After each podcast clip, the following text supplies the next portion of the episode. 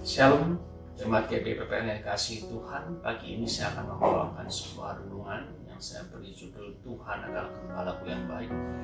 Saya ambilkan dari Mazmur 23 dan saya bacakan sebagai berikut.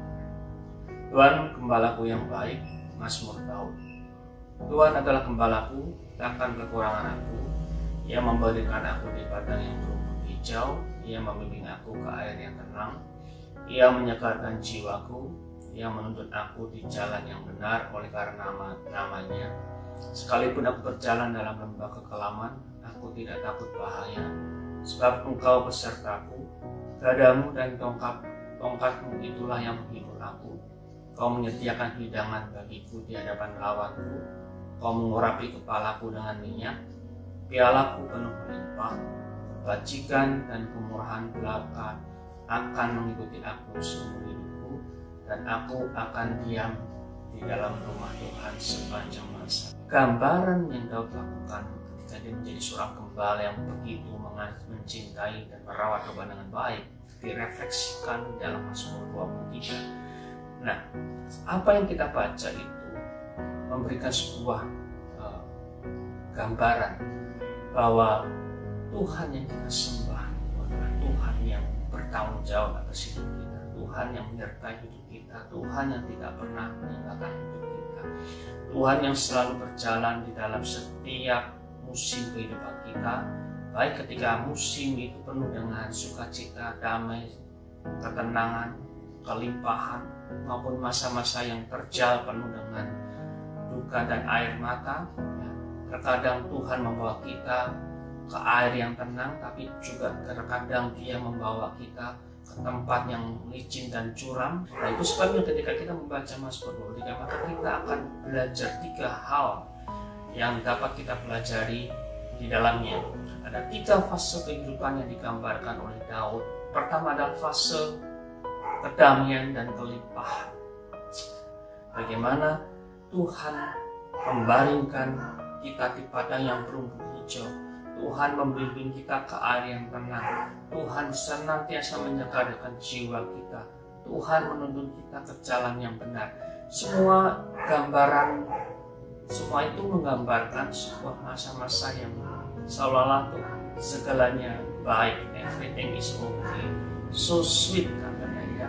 Semuanya manis berjalan seperti apa yang kita rencanakan, berjalan seperti apa yang kita bayangkan dan harapkan kita berkata masa-masa penuh dengan haleluya katanya ya. Semuanya baik. Nah itu pun Tuhan ada di sana. Itu pun adalah kasih karunia Tuhan limpahkan. Fase kehidupan yang kedua adalah masa lembah kekelaman dan air mata. Fase ini juga digambarkan oleh Ayub dalam Ayub 11 21 sebelum aku pergi dan tidak kembali lagi ke negeri yang gelap dan kelam pekat ke negeri yang gelap gulita, tempat yang kelam pekat dan kacau balau, di mana cahaya terang serupa dengan kegelapan. Suatu keadaan yang suram, suatu keadaan yang dengan pergumulan dan air mata. Sebuah ekspresi yang mencolok dari fase ini digambarkan, dikisahkan, dituliskan oleh yang seorang penulis yang bernama John Bunyan yang dalam kisah punya kisah kisah seorang musafir bagaimana dia menuliskan menggambarkan orang Kristen melakukan sebuah perjalanan dan perjalanan yang dia lakukan adalah gambaran dari kehidupan kita di muka bumi ini.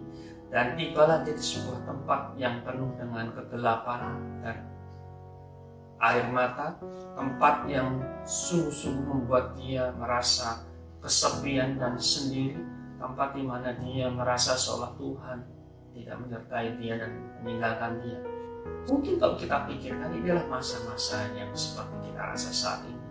Saya melayani banyak orang, saya berbicara dengan beberapa orang, mereka berkeluh kesah, mereka mengalami sebuah masa kekelaman, bahkan tidak jarang mereka berkata, kenapa Tuhan mengizinkan semua ini terjadi, mengapa semua ini tidak diizinkan saya izinkan mengalami semua yang pahit seperti ini di mana Tuhan apakah Tuhan masih bekerja menyertai saya ini adalah masa yang penuh dengan tanda tanya ini adalah masa-masa di mana iman kita sedang digoncang. Ini adalah masa-masa di mana uh, iman kita apakah berdiri di atas uh, fondasi yang kuat itu batu karang yang teguh.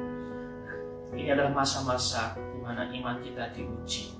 Bila segala sesuatunya seperti pada fase yang pertama penuh dengan kelimpahan dan sukacita dan sejahtera itu tidak heran semuanya bersukacita. Tapi ini adalah masa-masa yang penuh dengan tantangan. Mari kita tetap teguh berdiri, jangan pernah meninggalkan iman percaya kita.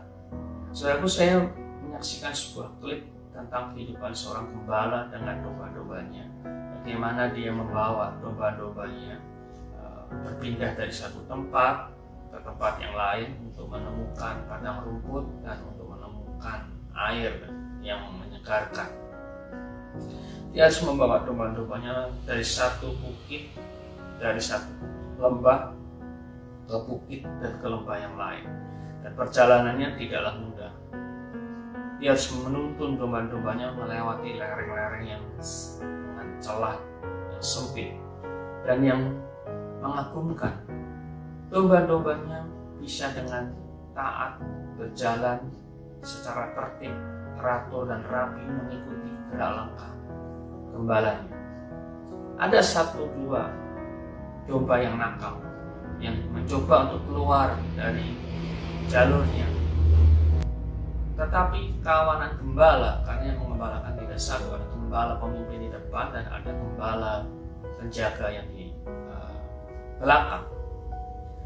Tetapi ketika domba ini mendengar teriakan bahasa isyarat dari gembalanya, maka domba ini dengan dengan taat kembali kepada kawanannya. Ada satu dua yang tidak mau taat maka gembala dari kawanan domba itu akan datang untuk mengambil terkadang memukul pantatnya dengan pukulan yang tidak menyakitkan tapi itu cukup menjadi sebuah isyarat untuk domba itu kembali kepada kawanannya. Sampai kemudian melewati sebuah jembatan yang sempit di mana domba itu harus kembali merapat ya dalam barisan yang lebih kecil lagi. Kalau tadi bisa sampai tiga enam baris berjajar dia harus kembali ke dua baris. Tapi yang sungguh mengagumkan domba-domba itu bisa mengikuti bahasa isyarat dari gembalanya untuk mengubah susunan barisannya menjadi dua berjalan beriringan dan tibalah mereka di sebuah lembah yang penuh dengan padang rumput hijau dan air tenang dan yang menyegarkan. Gambaran klip itu persis tepat seperti yang digambarkan di dalam Mazmur 23. Juga saudaraku, apa yang kita lalui hari-hari ini percaya gembala agung kita tidak akan membiarkan saudaraku terperosot jatuh ke dalam jurang penderitaan dan kekelaman. Tidak akan membiarkan saudaraku celaka. Dia akan memelihara, dia akan menjaga kita. Yang perlu kita lakukan adalah kita membuka telinga kita, kita dengar-dengaran akan suaranya yang lembut, kita membaca firman Tuhan untuk mengerti tuntunannya, maka kita pasti akan dibawa Tuhan melewati lembah bayang-bayang maut, melewati masa-masa suram yang mungkin hari ini kita lakukan. Apakah mungkin itu bisnis yang sedang menurun, apakah itu mungkin kesulitan dalam ekonomi, ataukah itu mungkin lembah kekelaman karena sakit penyakit? Bahkan di dalam masa-masa titik kritis kita kita harus menghadapi lembah kematian sekalipun gembala agung kita ada bersama dengan kita. Dia akan menuntut menuntun kita dia akan membawa kita ke tempat yang tenang ke tempat peristirahatannya ke pangkuannya. Yohanes 14 ayat 1 mengatakan aku menyediakan tempat bagi bagimu. Ya, kalau tempat itu sudah tersedia selesai aku akan menjemput kamu dan membawa kamu. Itulah gembala kita. Detik-detik akhir dan hidup kita dia pun tetap menyertai Nah, fase kehidupan yang ketiga adalah fase pemulihan dan penginapan janji, ya, yang digambarkan sebagai kebajikan dan kemurahan yang senantiasa mengikuti kita. Ini yang dinamakan dengan uh, kita hidup dari satu kasih karunia kepada kasih karunia Tuhan. Inilah masa-masa fase di mana Paulus menuliskan menasihatkan kepada setiap anak-anak Tuhan kita hidup dari satu kemurahan kepada kemurahan yang lain. Kita hidup dari satu kasih karunia kepada kasih karunia. Dalam Roma 5 2 dikatakan, oleh dia kita juga beroleh jalan masuk oleh iman kepada kasih karunia. Dan di dalam kasih karunia kita berdiri dan kita bermegah dalam pengharapan akan menerima kemuliaan Allah. Sungguh indah sekali. Kalau kita membaca ayat selanjutnya dalam ayat 3 sampai 5 dikatakan bahwa kita malah bermegah juga dalam kesengsaraan kita karena kita tahu bahwa kesengsaraan menimbulkan ketekunan, ketekunan menimbulkan tahan uji, tahan uji menimbulkan pengharapan, dan pengharapan tidak mengecewakan karena kasih Allah telah dicurahkan dalam hati kita oleh Roh Kudus yang telah dikaruniakannya kepada kita. Nah, di akhir semua yang kita alami di muka bumi ini, gembala agung kita akan menuntun, menjaga, menuntun, merawat, membimbing kita, ya, dan bahkan menggendong kita dan mendudukkan kita di pangkuannya kepada tahta dan kemuliaan. Sungguh indah saudara, hidup kita di dunia ini dituntun dan disertai oleh gembala kita. Ada masanya kita hidup dalam kedamaian, ketenangan, sukacita, kebahagiaan yang berlimpah. Semuanya baik, everything is okay. Tapi ada masanya juga kita mengizinkan Tuhan untuk berjalan dalam masa-masa kekelaman. Penuh dengan air mata, pergumulan, penderitaan, dan kepedihan. Tapi di sana pun kita menuntun kita. Ada masanya Tuhan kembali memulihkan keadaan kita pengendapan janji dinyatakan dalam hidup kita. Tuhan juga yang melakukannya bagi kita. Semuanya itu dikerjakan Tuhan oleh karena kasihnya yang besar bagi kita. Menyatakan pribadinya yang agung dan mulia. Menyatakan kasih. Firman Tuhan berkata, Tuhan membuat segala sesuatu indah pada waktu. Tetap bertahan, tetap bertekun, tetap berdoa, tetap mengucap syukur, tetap setia sampai akhir. Gembala pun kita pasti akan membawa kita ke tempat yang membaringkan kita di padang rumput hijau, menyegarkan jiwa kita, memberikan kepada kita kesegaran yang baru, yang penuh dengan damai sejahtera, sukacita. Tuhan Yesus memberkati saudara, Tuhan Yesus menyertai saudara, Tuhan Yesus menguatkan, meneguhkan saudara, dan kasih dan sejahtera senantiasa berlimpah-limpah atas hidup saudara dan saya. Amin.